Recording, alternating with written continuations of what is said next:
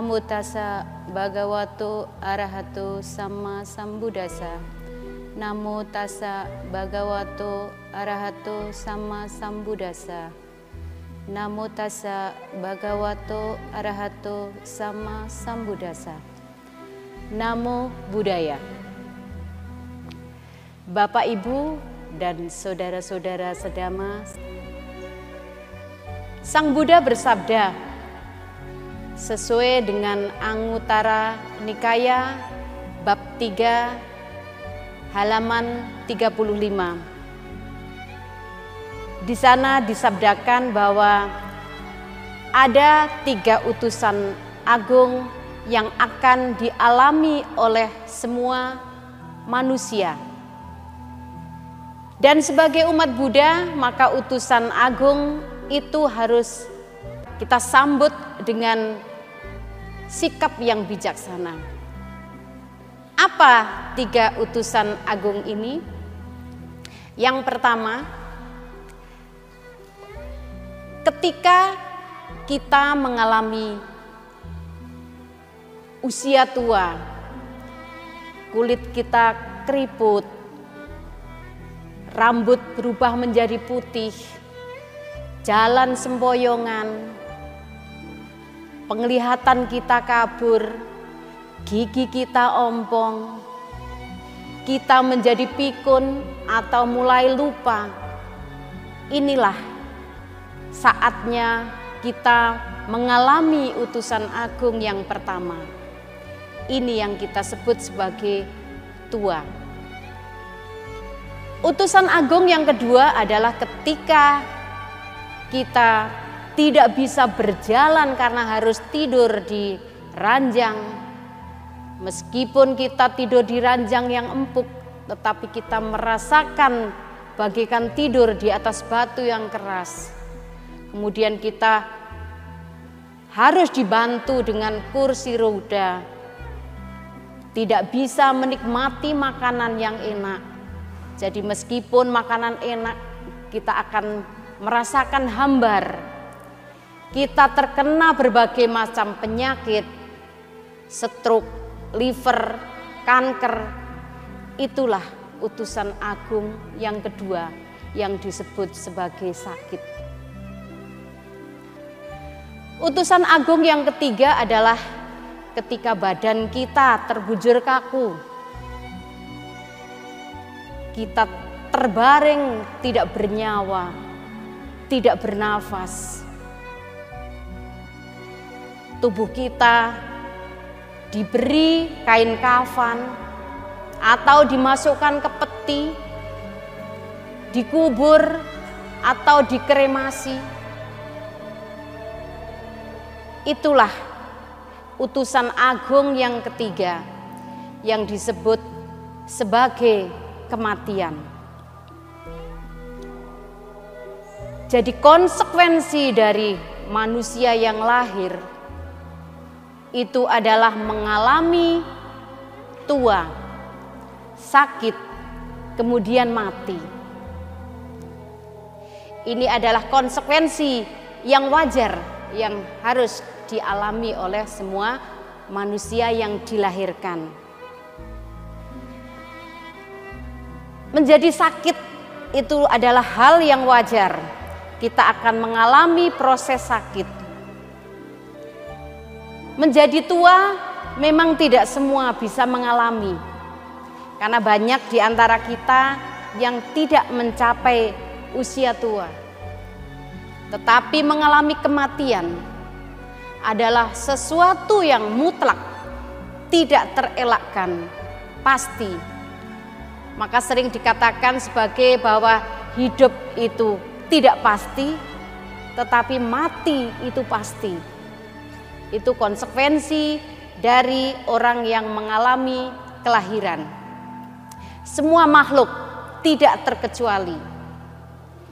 Maka sebagai umat Buddha, bagaimana kita menyikapi ketika ketiga utusan agung itu datang menghampiri kita?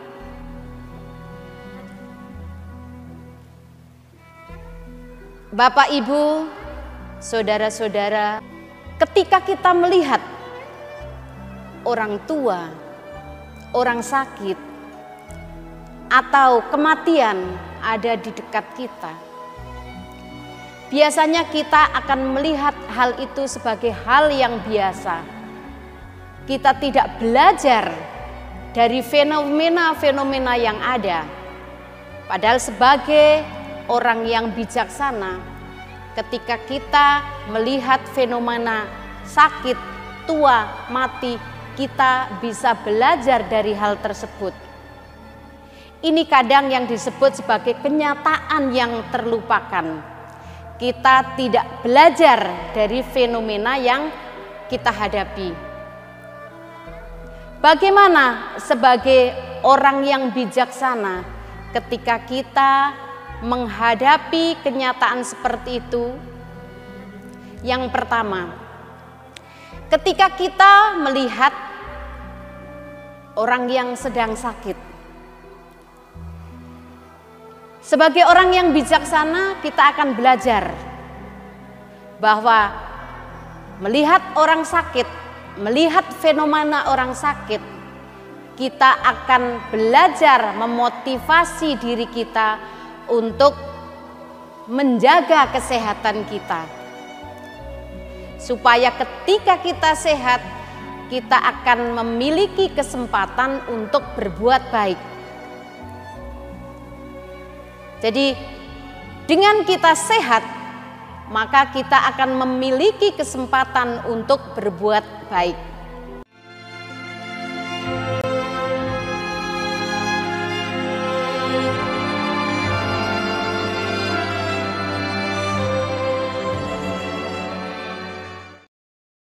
Tadi kita sudah membahas mengenai kenyataan yang terlupakan.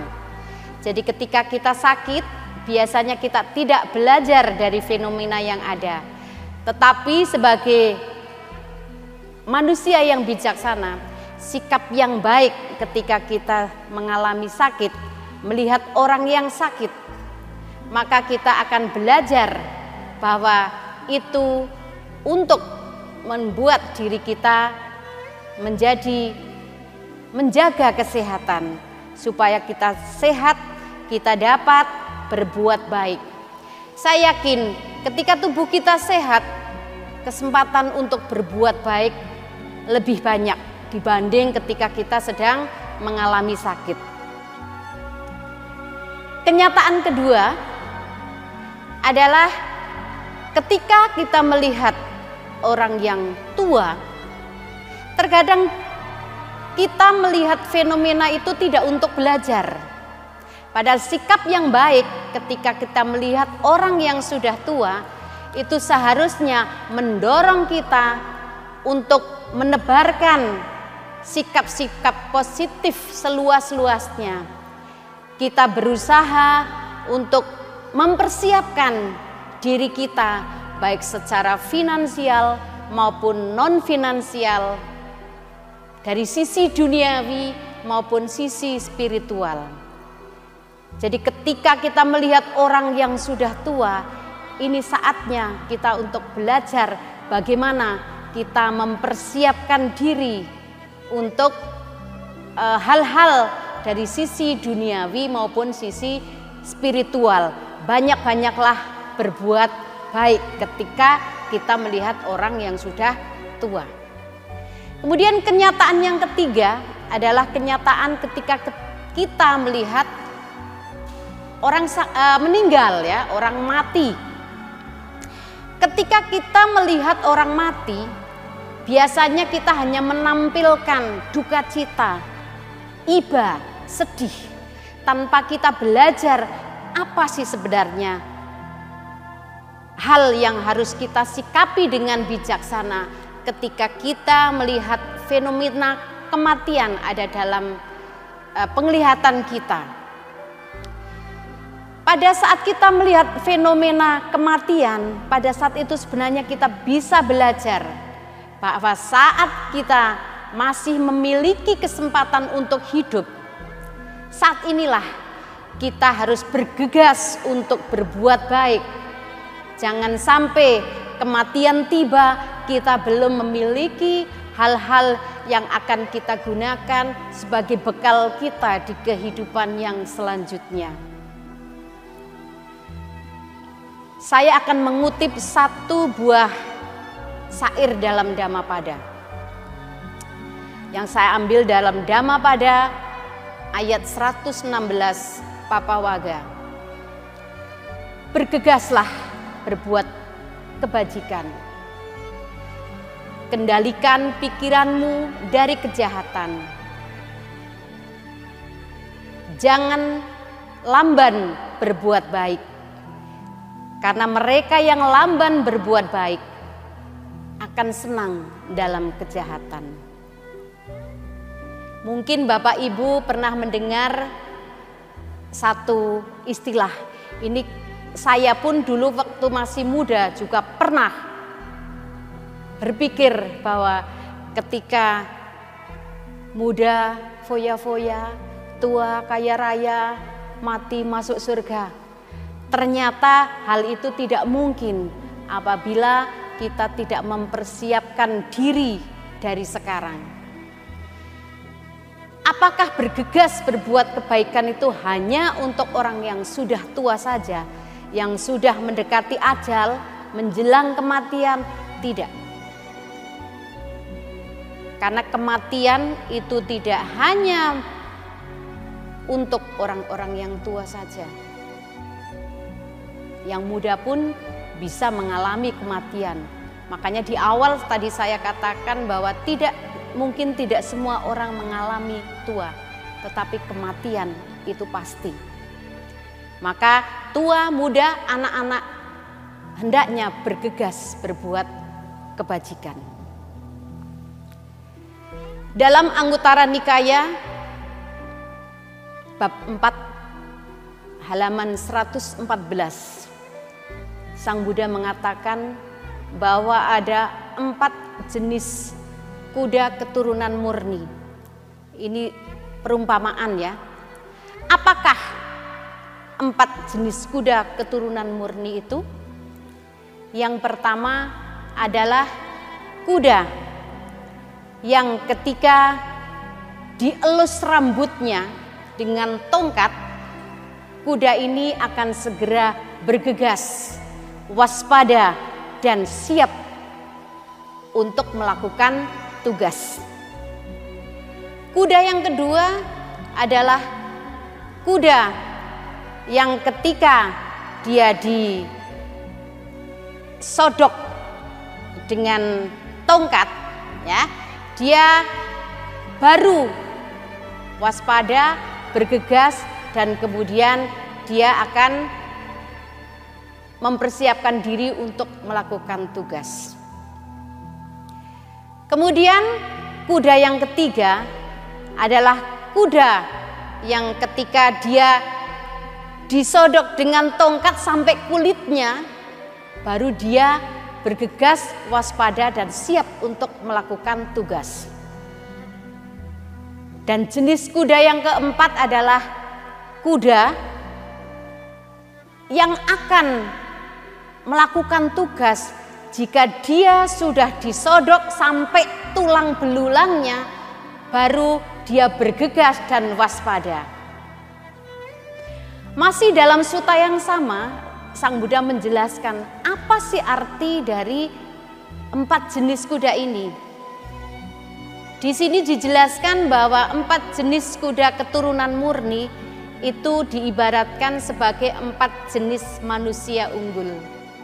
Nanti Bapak Ibu, saudara-saudara sedama bisa mengevaluasi, menilai diri sendiri. Apa? Jenis manusia apa jenis kuda murni apa yang sesuai dengan empat jenis ini.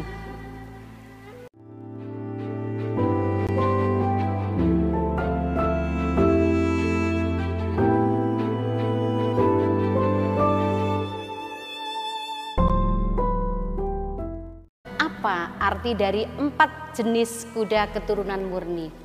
Yang pertama adalah jenis manusia unggul yang ketika dia mendengar berita bahwa ada seseorang yang mengalami sakit, mengalami kematian, kemudian orang tersebut akan segera melakukan kebaikan, akan berusaha untuk merealisasi pembebasan, mencapai nibana.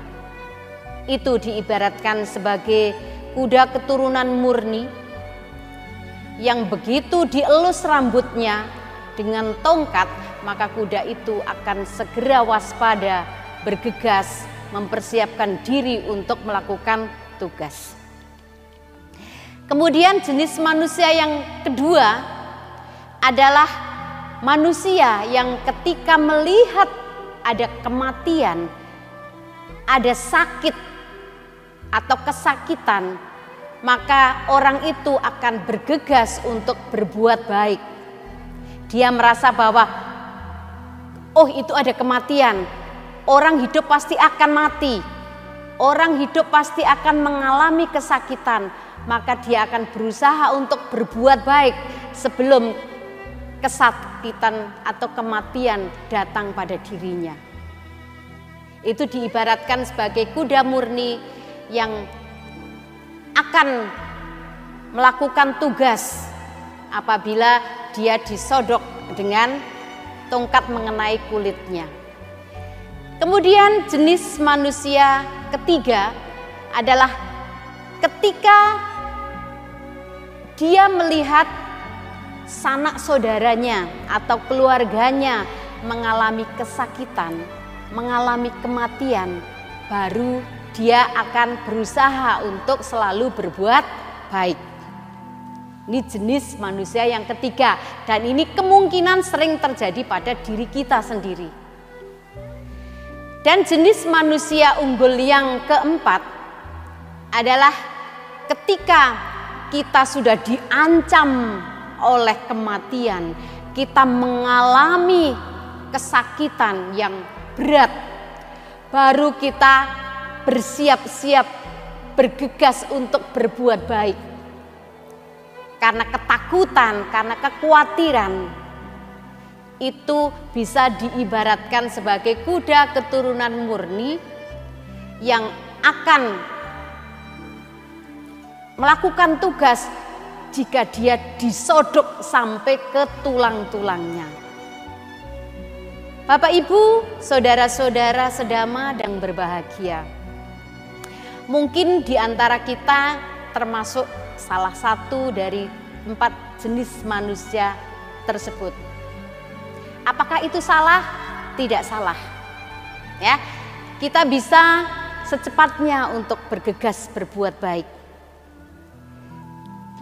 Kita harus selalu merenungkan bahwa tua, sakit, mati itu adalah sesuatu yang wajar dan memang akan diterima kita. Karena ketika kita sering-sering merenungkan bahwa kita akan mengalami usia tua, mengalami kesakitan, mengalami kematian itu akan memberi manfaat yang luar biasa kepada kita. Ketika kita merenungkan adanya sakit, maka kita akan terbebas dari kesombongan akan kesehatan kita.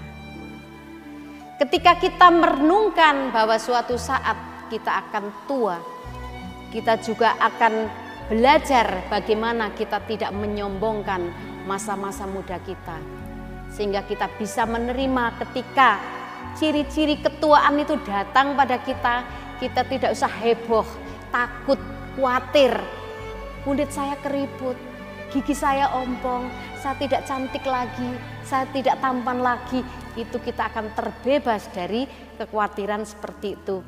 Karena kita selalu merenungkan bahwa menjadi tua itu adalah hal yang wajar sebagai konsekuensi kita terlahir sebagai manusia. Kalau kita tidak dilahirkan, kita tidak akan mengalami sakit, tua maupun mati. Dan ketika kita belajar merenungkan tentang kematian, di situ kita akan mendapatkan manfaat bahwa selagi kita masih memiliki panjang usia, kita tidak akan sombong dengan panjang usia kita. Ya, kita akan selalu bergegas untuk berbuat kebaikan, mempersiapkan diri di masa-masa tua kita menjelang kematian kita, kita sudah memiliki bekal untuk kehidupan kita yang akan datang. Jadi sebagai umat Buddha memang sangat perlu bagi kita untuk selalu merenungkan bahwa aku wajar mengalami usia tua. Aku wajar mengalami sakit. Aku wajar mengalami kematian. Jadi dengan kita setiap saat seperti yang kita lakukan ketika kita melaksanakan kebaktian, kita akan selalu merenungkan bahwa kita wajar mengalami usia tua, sakit dan mati. Maka kita tidak akan ada kekhawatiran dalam hidup kita ketika sewaktu-waktu tiga utusan yang tadi saya sebutkan, utusan sakit, utusan agung kematian, utusan agung tua datang menghampiri kita, kita sudah siap.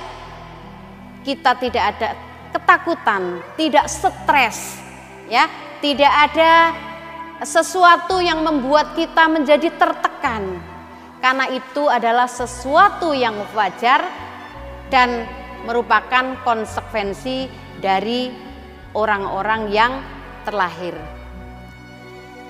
Bapak, Ibu, saudara-saudara sedama, dari adanya tiga utusan agung ini kita bisa belajar bahwa ketika kita sakit, tua, mati, maka seharusnya kita selalu untuk bergegas berbuat baik. Jangan sampai kita tidak punya kesempatan untuk berbuat baik. Semoga apa yang saya sampaikan pada hari ini bisa memberikan manfaat bagi kita semua, menjadikan manusia yang lebih bijaksana dalam menyikapi tiga utusan agung tersebut. Sabe Sata Bawantu Sukitata, semoga semua makhluk hidup berbahagia. Sadu, sadu, sadu.